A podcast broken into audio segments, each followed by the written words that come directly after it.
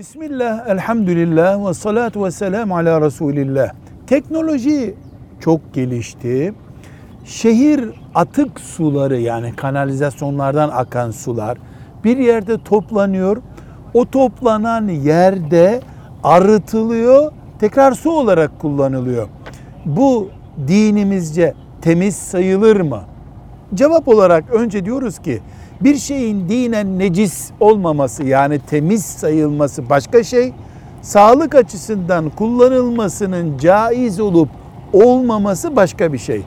Bu bölümü sağlıkla ilgili olduğu için tıp dünyası ne der ona bakarız.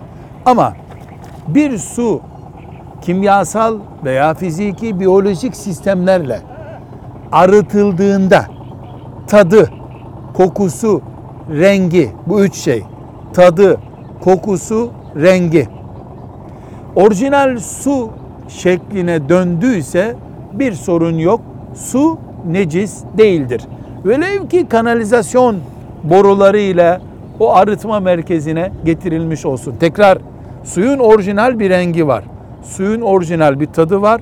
Suyun orijinal bir kokusu vardır. Yani kokusuzdur. Bu üç şey bozulduğu için pis su olmuştur o, necis su olmuştur. Arıtma sistemi bu üç şeyi geri getirdiyse su tadı, su kokusu, su rengi dinen temizdir. Tıp bunun için içme suyu olarak kullanılmasını, yemek suyu olarak kullanılmasını uygun bulmuyorsa başka bir açıdan sorun olur. Kullanılmaz ayrı bir mesele. Velhamdülillahi Rabbil Alemin.